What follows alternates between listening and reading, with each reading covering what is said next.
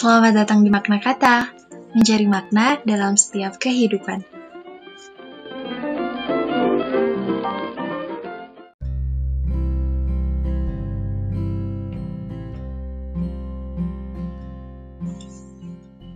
Hai manusia-manusia mencari makna, saat ini kalian sedang mendengarkan podcast Makna Kata, mencari makna dalam setiap kehidupan. Ini adalah episode pertama Makna Kata, So, buat kalian yang udah klik podcast ini untuk dengerin makna kata, gue ucapin terima kasih banyak. Karena ini episode pertama, jadi izinkan gue untuk memperkenalkan podcast ini sekaligus gue hmm, sebut saja makna dalam podcast ini. Sebagai narator, host, owner, dan segala-galanya. Akhirnya salah satu keinginan gue dalam hidup ini terwujud dalam podcast ini belajar lebih luas tentang makna sebuah kehidupan. Berangkat dari sebuah kegelisahan hidup gue pribadi tentang makna setiap kata. So, podcast ini akan membahas setiap makna kata yang sering banget kalian dengar dalam hidup ini dan dibahas secara lebih dalam.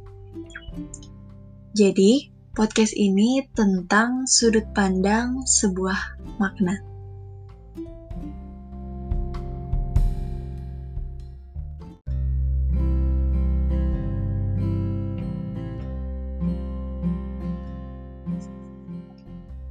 Pada episode pertama ini, makna kata akan membahas makna menerima.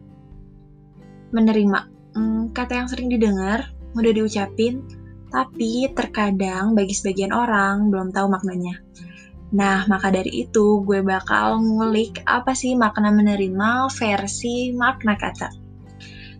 Kalau misalnya menurut Kamus Besar Bahasa Indonesia sendiri, menerima itu adalah menyambut, mendapat, menyetujui, menampung, dan sebagainya.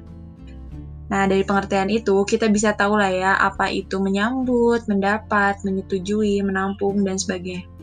Cuma kadang kita nggak sadar apa sih maknanya, dan apa sebenarnya kita sendiri nih sudah menerima sepenuhnya tentang hidup ini. Nah kan, mulai pada mikir, selama hidup gue pribadi rasanya sering banget sih gue sendiri nih gue pribadi ngucapin iya gue nerima. Iya gue bersyukur kok gue terimain. Tapi apa bener hati lu juga berkata seperti itu? Karena nih kadang apa yang kita ucapin gak selalu sesuai dengan isi hati kita. Makna menerima itu kok mudah diucapin tapi rasanya sulit banget ya dirasain. Ya gak sih? Nah, karena podcast ini berbicara tentang sudut pandang, jadi gue bakal berbicara semau gue tentang sudut pandang dari gue pribadi. Jadi nih, kalau menurut gue, menerima itu masih bagian dari bersyukur. Kayak masih ada sangkut pautnya gitu kalau menurut gue pribadi. Dan kita itu pastinya harus selalu bersyukur dalam hidup ini. Tapi nyatanya, bukannya malah menerima dan bersyukur, kadang cenderung sering kali malah menyalahkan hidup. Pernah gak sih malah kayak gitu? Tapi gak apa-apa sih, karena kalian pernah, kalian nantinya biasanya bakal tahu maknanya.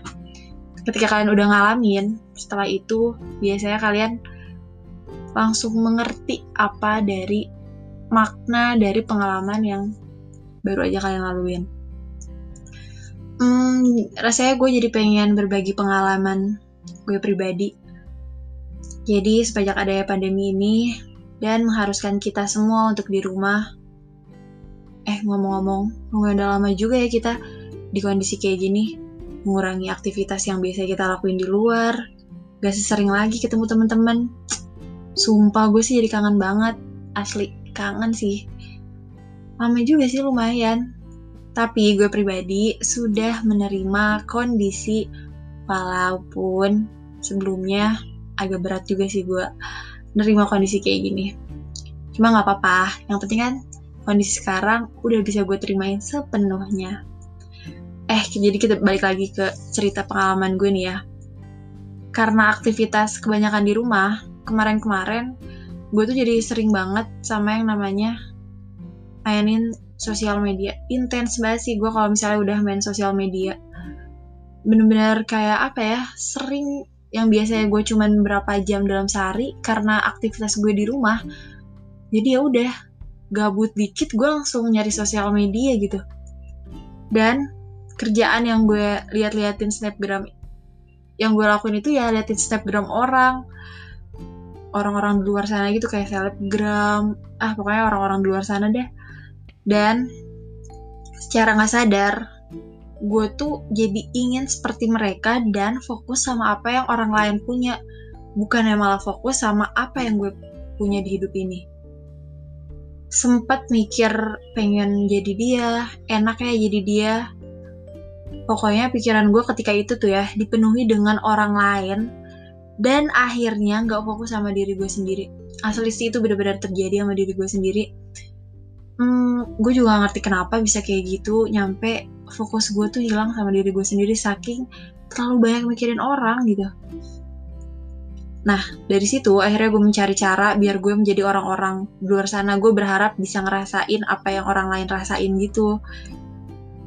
Karena gue pengen ngerasain yang mereka rasain gitu. Kayaknya enak gitu. Makanya gue nyari sampai gue nyari cara gimana sih gitu kan.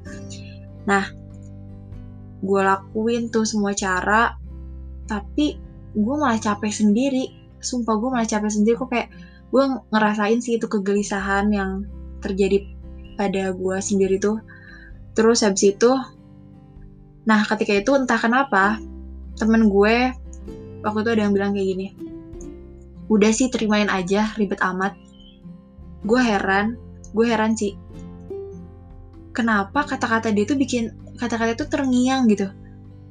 Dan gue langsung berpikir bahwa kayaknya emang semua nggak akan ribet ketika gue menerima dan pastinya gak bakal capek sendiri juga gitu gue. Akhirnya gue tertarik dong dengan perkataan temen gue itu.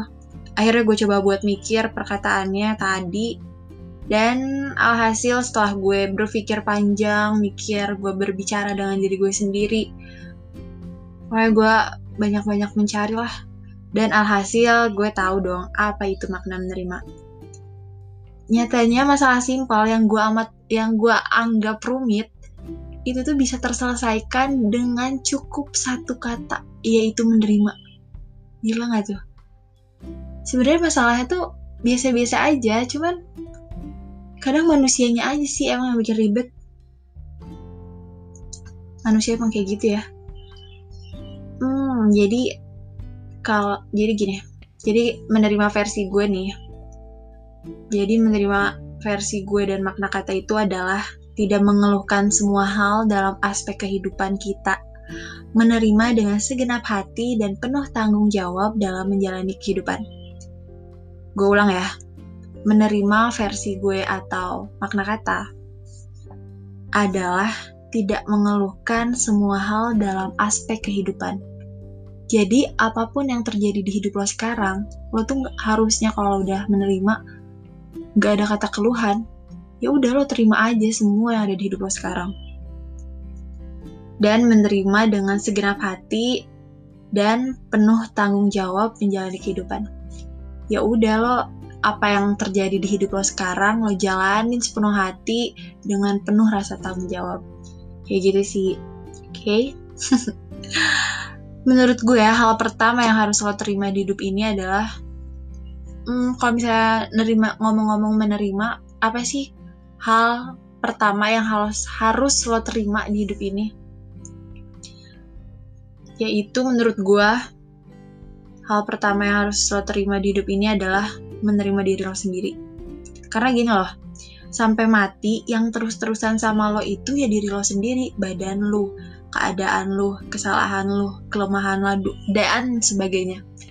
Jadi mm, lo tuh sampai mati juga sampai mati mau hidup sampai mati juga yang nempel sama diri lo sendiri itu ya badan lo semuanya diri lo sendiri.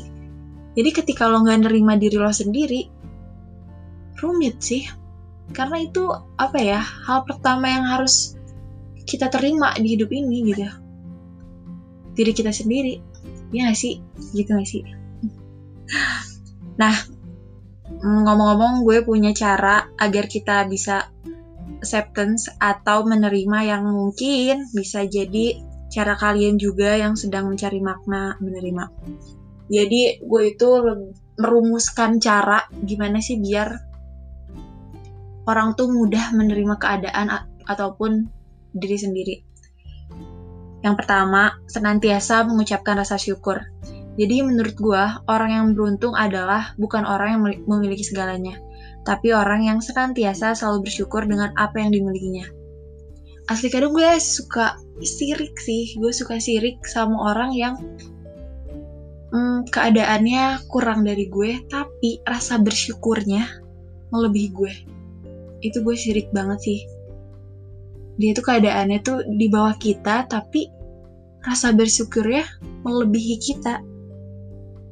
Memang memang kadang sih kehidupan juga sering kali buat kita lupa untuk bersyukur. Tapi kenyataannya banyak kok yang perlu kita syukurin hingga saat ini. Baik itu kehidupan raga keluarga kalian saat ini dan hal lainnya yang ada pada diri kita. Jadi senantiasalah selalu mengucapkan rasa bersyukur belajar lah dikit-dikit. Gue juga sulit kok di usia gue sekarang. Gue baru bisa tahu apa itu makna menerima dan bersyukur. Yang kedua belajar untuk mengerti bahwa apa yang selalu kita inginkan terkadang gak sesuai sama rencana. Ini sih kadang kayak ya lo harus ngerti bahwa apa yang lo pengenin itu gak selalu sesuai sama apa yang udah lo rencanain. Itu lo harus ngerti dari situ lo bakal bisa nerima sih kalau menurut gue yang ketiga itu percaya bahwa emang apa yang ada di diri lo saat ini itu adalah yang paling terbaik. Jadi keadaan lo kondisi lo sekarang itu tuh udah paling yang terbaik. Udah percaya aja. Sesimpel itu sih sebenarnya.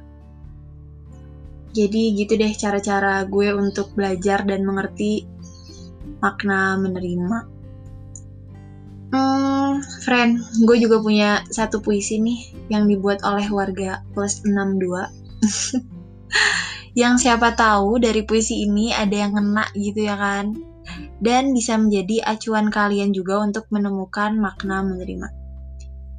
Judulnya Pesan Pengingat. Kadang diri ini tidak tahu diri Terkadang saya lupa bahwa apa yang terjadi di semesta ini sudah ada yang mengatur. Terkadang perasaan masih saja mengeluh. Kenyataannya masih banyak kebahagiaan yang tak terukur. Bersyukur, bersyukur, bersyukur. Semua ada waktunya, semua ada porsinya, semua ada gilirannya. Mulailah berdamai dengan diri sendiri, dengan ekspektasi, dengan rasa tidak tahu diri. Hmm, jadi itu deh puisinya. Asli sih, gue tuh sebenarnya bukan spesialis baca, baca puisi, jadi kalau misalnya agak-agak kurang ramah di telinga kalian, mohon dimaklumi ya teman-teman. Diingat juga tuh pesan dari puisi itu. Oke. Okay. Hmm, sebelum gue tutup podcastnya, gue juga punya rekomendasi buku yang mungkin relate sama pembahasan kita kali ini. Ada buku Beauty You, A Daily Guide to Radical Self-Acceptance. The Self-Love Experiment, sebuah seni untuk bersikap bodoh amat. Spoiler dikit ya, spoiler dikit mengenai buku seni untuk bersikap bodoh amat.